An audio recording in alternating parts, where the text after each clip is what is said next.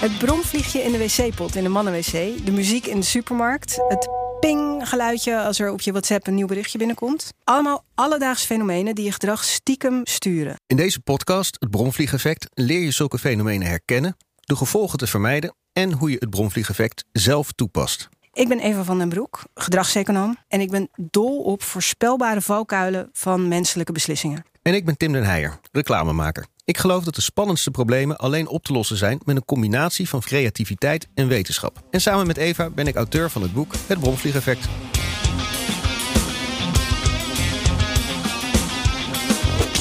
Wij mensen denken graag dat we zelf helemaal in controle van ons gedrag zijn. Maar is eigenlijk niet waar, hè, Eva? Ja, nee, godzijdank niet. Want dan zou echt alles onszelf aan te rekenen zijn. Hè? Uh, bovendien, we zouden ons te pletter beslissen elke dag. Want er is nogal wat wat we uh, binnenkrijgen en waar we een beslissing over moeten maken. Alleen al over eten maken we, geloof ik, zo'n 226 beslissingen per dag. Dus uh, dat zou wel werken zijn. Dus wat wij in de praktijk doen, is niet overal een uh, bewuste beslissing over maken. Wij volgen onze gewoontes, of we volgen onze neus, of we volgen ja, dat wat er op de menukaart als bovenste gerecht staat. Mm -hmm. Of als je echt geen enkel idee hebt, dan kijk je om je heen en kijk je naar wat andere mensen doen. En zelfs dingen die helemaal niks te maken hebben met eten, hè, die uh, beïnvloeden ons ook. 30 meters, 20 meters, 17 meters, standing by for touchdown. De Marslanding zorgde ervoor dat er ineens veel meer Marsrepen werden verkocht. touchdown confirmed. Dit soort dingen we herkennen dat allemaal wel, hè? dat de omgeving je stuurt. En je herkent dat vooral als dat bij anderen het geval is. En ja, Tim, toen wij er zo over zaten na te denken... Uh, ja, de ene de fenomeen na de andere rolde uit de kast. Jij overtroefde mij met marketingkennis uh, en ik jou met economische kennis. En ze zei op een gegeven moment... ja, weet je wat, dit zijn gewoon allemaal bromvliegjes. Waarom, uh, waarom bromvliegjes? Um, ja, we kennen het voorbeeld van het vliegje in de wc-pot. Hm. Schiphol had het probleem dat de wc-vloer vies was. Ze tekenden een vliegje in de wc-pot. Mannen gingen erop richten. Veel minder schoonmaakkosten en veel prettiger voor reizigers dat het schoon is. Maar wat is daar nou zo fascinerend aan? Um, als reclamemaker denk ik en ik denk ook als jij met beleidsmakers samenwerkt, willen we altijd maar mensen hun gedrag veranderen. Maar dat is ontzettend moeilijk. En dat vliegje, dat lukt het, dat lukt het wel, zonder eigenlijk alle uh, gereedschappen waar je normaal naar grijpt. Hè. Het maakt voor mij geen brandlover. Het verandert niks aan mijn perceptie of mijn attitude. Je krijgt er geen geld voor. Ja. Het vertelt me ook niks over de purpose of de why van de wc-pot. Allemaal die dingen die we heel belangrijk vinden in de reclame. En toch slaagt hij bij al die campagnes en die beleidsmakers vaak niet slagen. Het stuurt aantoonbaar gedrag. Ja. Nou, voor mij is die vlieg daarom de ultieme influencer. Maar hij is ook weer niet de enige. Hè? Heel veel van dit soort mechanismes kom je ook op andere plekken tegen. En als je bewust bent van die effecten, dan kun je ze herkennen. Je kan ze zelf inzetten. En je kan voorkomen dat je wordt beïnvloed als je dat niet wil. En daar gaan we jou met deze podcast bij helpen. In deze eerste aflevering nemen we je mee uit winkelen. Ja, ik doe de boodschappen, boodschappen, boodschap. Elke dag weer naar de supermarkt. Ik weet dat ik niet kiezen kan. Want een winkel is eigenlijk het walhalla voor bromvliegen. Goedemiddag, bonuskaart, koopzegels, kassobon, fijne dag verder. Ja, winkeliers doen er echt alles aan om je koopgedrag te beïnvloeden. Wat dacht je van deze? En maintenant le voyage à la supermarché. Pamplemousse. Ananas. Ja, nou, ik heb heel veel supermarktacties ontwikkeld. Ik heb er eh, heel veel dingen geprobeerd ook. Maar dit heb ik helaas nooit kunnen proberen. Het schijnt dus dat als je Franse muziek draait in de supermarkt... dat je dan vanzelf meer Franse wijn gaat uh, verkopen. Ik vind dat heel cool. Maar ja, wat denk jij? Is het echt waar? Ja, ik heb het artikel er even bij gepakt. Uh, het is een beetje waar. Het is niet zo'n heel groot effect. En het was niet getest onder heel veel mensen. Ik heb dus dit wel een keer getest met een student in een echte supermarkt. Je ziet wel echt verschillen van of je bijvoorbeeld up-tempo muziek hebt. Dan worden mensen meer uh, aroused, opgewonden. Uh, hoe noem je dat in het fatsoenlijk Nederlands? Mensen gaan dan echt sneller lopen bijvoorbeeld. Dus vaak heb je een beetje rustige muziek in de supermarkt. Maar dat is niet het enige wat ze doen in de supermarkt, toch?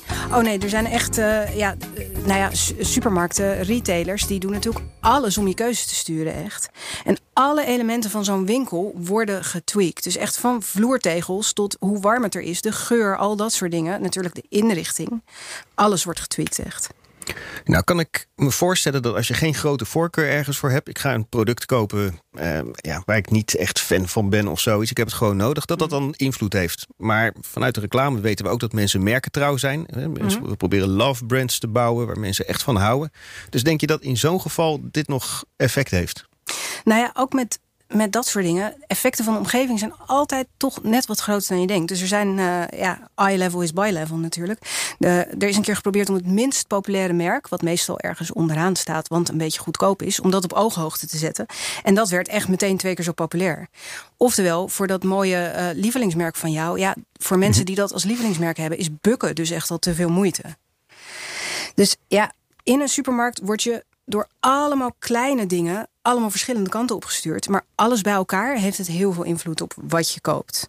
En het is ook eigenlijk, als je zo'n supermarkt binnenkomt... het is bijna alsof je een laboratorium binnenloopt. Er wordt gewoon verschrikkelijk veel uitgeprobeerd... en gekeken hoeveel effect het heeft. Wat mij dus opvalt is hoeveel supermarkten op elkaar lijken. Zeker in Nederland. Het maakt niet uit welke het is. Als ik Ja. binnenkom, dan loop ik altijd bij de groenten. En eh, daar ben ik een Ja. keertje me gaan afvragen waarom het zo was. En toen kwam ik een fenomeen tegen en dat noemen ze moral licensing. Mhm. En dat is eigenlijk eh, de theorie dat stel ik heb iets gezonds in mijn karretje gedaan. Ik zie daar, eh, weet ik veel, radijsjes liggen en sla. Dat dan eigenlijk mentaal er een soort knopje omgaat dat zegt... nou, we zijn al gezond bezig, we hebben het al goed gedaan. Nou mag ik ook nog wel een paar extra biertjes kopen of wat ongezonde dingen. Ehm, wat ik er Ja. grappig aan vind is er is heel veel discussie over de impulsproducten bij de uitgang. Hè, die moeten weg eh, bij de kassa.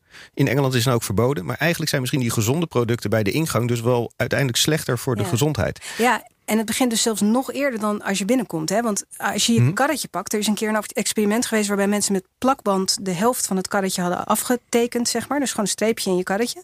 En dan de suggestie hadden gewikt dat het eerste deel... eh, voor groente en fruit is.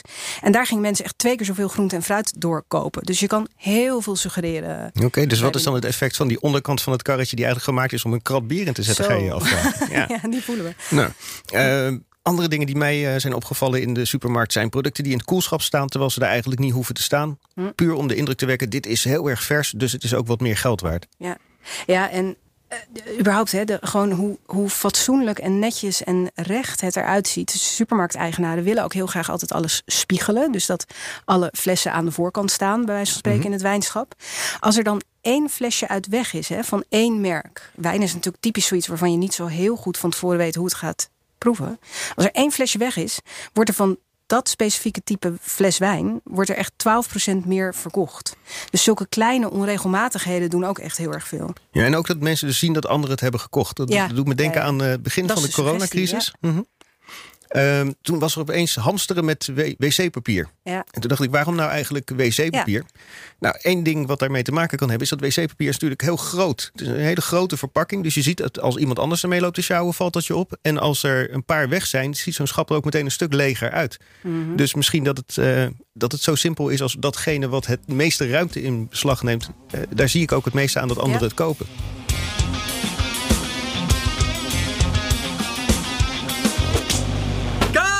Lekkere kaas! Sexy collectie! Ik vraag hier geen 39 euro voor, wat het kost. Ik vraag hier geen 29 voor. Ik doe het weg voor één tientje. Profiteert daarvan. Ik heb een hele pannenset en u kunt ook de losse pannen kopen. Ja, dit wat je hoorde, dat is natuurlijk de oerversie van de supermarkt, de gewone markt. En dat je ziet ook in alle landen dat mensen daar dezelfde trucs gebruiken, de, de verkopers. Dat verschilt echt niet heel erg.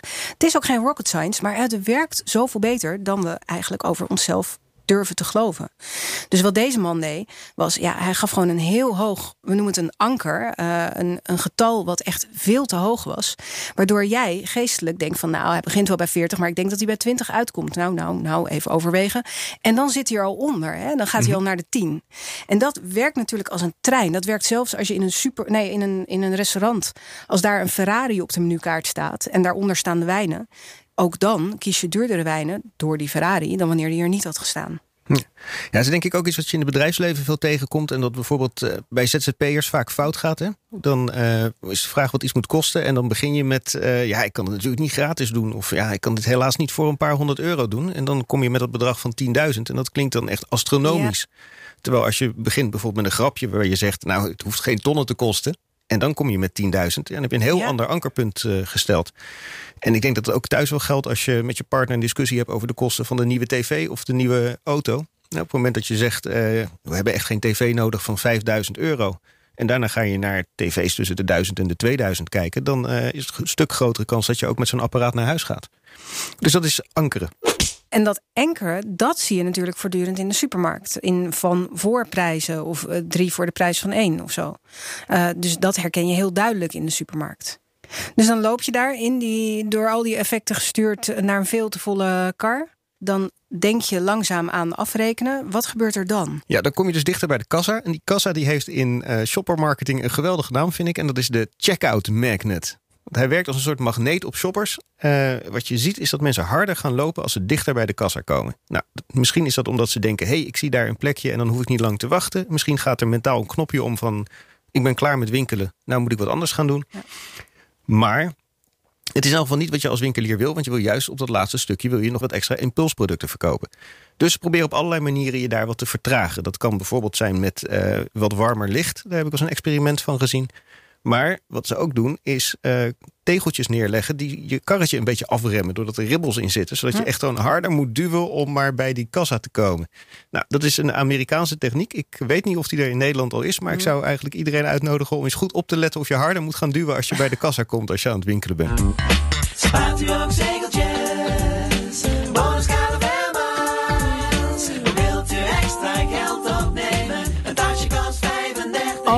Kleine bromvliegjes hè, die je in de supermarkt vindt. Die Franse muziek, die uh, lekkere geur van brood. Nou, die... uh, sorry, daar wil ik even één dingetje aan toevoegen. Ja? Dat vind ik geweldig. Uh, die apparaten die zorgen voor geur in een winkel. Hè. Dat, ja. is, dat kan je gewoon kopen. En die, en die geur die je wil uitzoeken. die hebben een geweldige naam. Dat zijn namelijk smellitzers. Hè. Zoals je een houwitser geweer hebt. Zo schieten die smellitzers dus geur op de shoppers af. Ja. Oef, uh, nu gelooft niemand meer dat hij zelf keuzes maakt natuurlijk. nu heeft het een naam. Ja.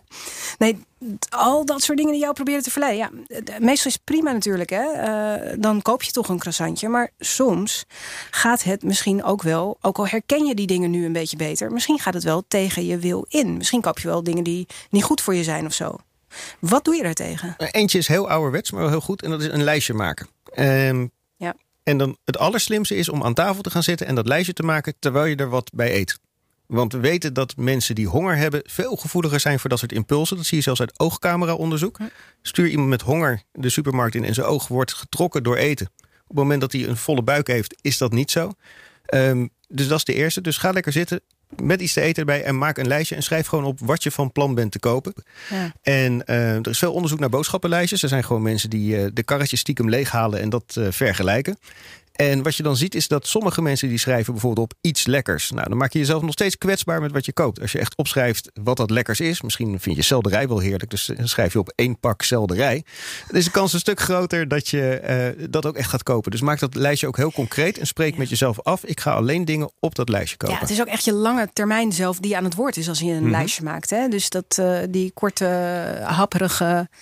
Uh, snelle beslisser in je, die wordt dan een beetje in bedwang gehouden. Ja. Enige is, daarbij wil je natuurlijk ook wel op de prijs letten. Um, daar kan je de folders voor gebruiken van de, van de supermarkten. Moet ik er wel eerlijk bij zeggen, ik heb al aardig wat van dat soort folders meegewerkt. En daar gebruiken we natuurlijk ook wel weer bronvliegeffecten om je keuzes te sturen. Dus daar moet je dan wel op letten. Ja, dat is natuurlijk inderdaad de ouderwetse methode met folders en van tevoren een lijstje maken. Klinkt heel low-tech. Er zijn natuurlijk nog heel veel andere dingen die op het punt staan om door te breken. Dus als we naar de toekomst kijken, dan kun je ook denken aan kleine tellertjes die meelopen op je winkelwagen of je online winkelwagentje. Met hoeveel uh, suikerhoudende producten heb jij vandaag al gekocht? Of dit is al de dertiende dag dat je geen vlees in je mandje hebt gegooid. Goed zo, Eva, ga zo door. En dat je al die dingen gewoon lekker zelf kan instellen waar je op wil sturen. Op prijs, op gezondheid, op duurzaamheid, wat dan ook. Apps die dit mogelijk maken, die heb je nu misschien nog niet op je mobiel. En misschien zijn het ook wel niet de supermarkten die hier het meeste baat mee hebben. Hè? Misschien ook wel. Maar wie hier vooral baat bij heeft, zijn wij zelf. En natuurlijk de overheid, die ons ook een beetje gezond wil houden. En die overheid die wil dus zo nu en dan ook wel een beetje nudgen. Niet zozeer op de producten met grote marge, maar op de gezondere producten. En er is dus ook een prachtig onderzoek geweest, één of twee jaar geleden. Heel groot in een heel aantal supermarkten, waarbij ze echt alle bromvliegen uit de kast hebben gehaald. Dus banners, uh, twee voor de prijs van één op de courgettes. Bij de kassakoopjes geen marsen, maar die tomaten en die snoeptomaatjes. Al die losse dingen bleken niet extreem veel effect te hebben op uh, wat mensen kochten. Dus of ze wat gezonders kochten. Maar dat hele bombardement gezamenlijk deed echt wel behoorlijk iets. Steeds van 8% geloof ik aan mijn hoofd. En het grappigste, de mooiste vond ik. Hm. Je zag hier dus ook eentje ertussen zitten. Een, een schaarste effectje. Dus dat er stond... Uh, Niet meer dan vier courgettes per klant. En ik schoot daarvan heel hartelijk in de lach. Maar ja, if it works. Ja, ik ken de commerciële variant ervan. Hè? Dus je roept in een supermarkt om, eh, beste mensen, niet meer dan zes flessen van deze frisdrank Ja. per persoon. En dan, mensen kopen er geen zes, maar mensen kopen er wel meer dan ze normaal kopen. Ik denk wel dat je je daartegen kan wapenen door gewoon in de winkel naar deze podcast te luisteren. Dan hoor je in elk geval al die omroepberichten niet. Je luisterde naar het Bromvliegeffect. De podcast over kleine alledaagse fenomenen die jouw gedrag beïnvloeden en hoe je die kan vermijden of juist zelf toepassen.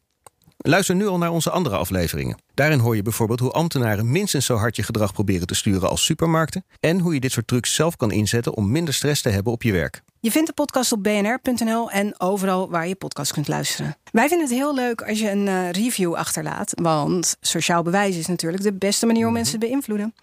En spot je nou zelf een bromvlieg in het wild, eentje waarvan je denkt deze hebben Tim en Eva nog niet gevangen, deel hem dan op Twitter met de hashtag bromvliegeffect. Tot de volgende. Doei!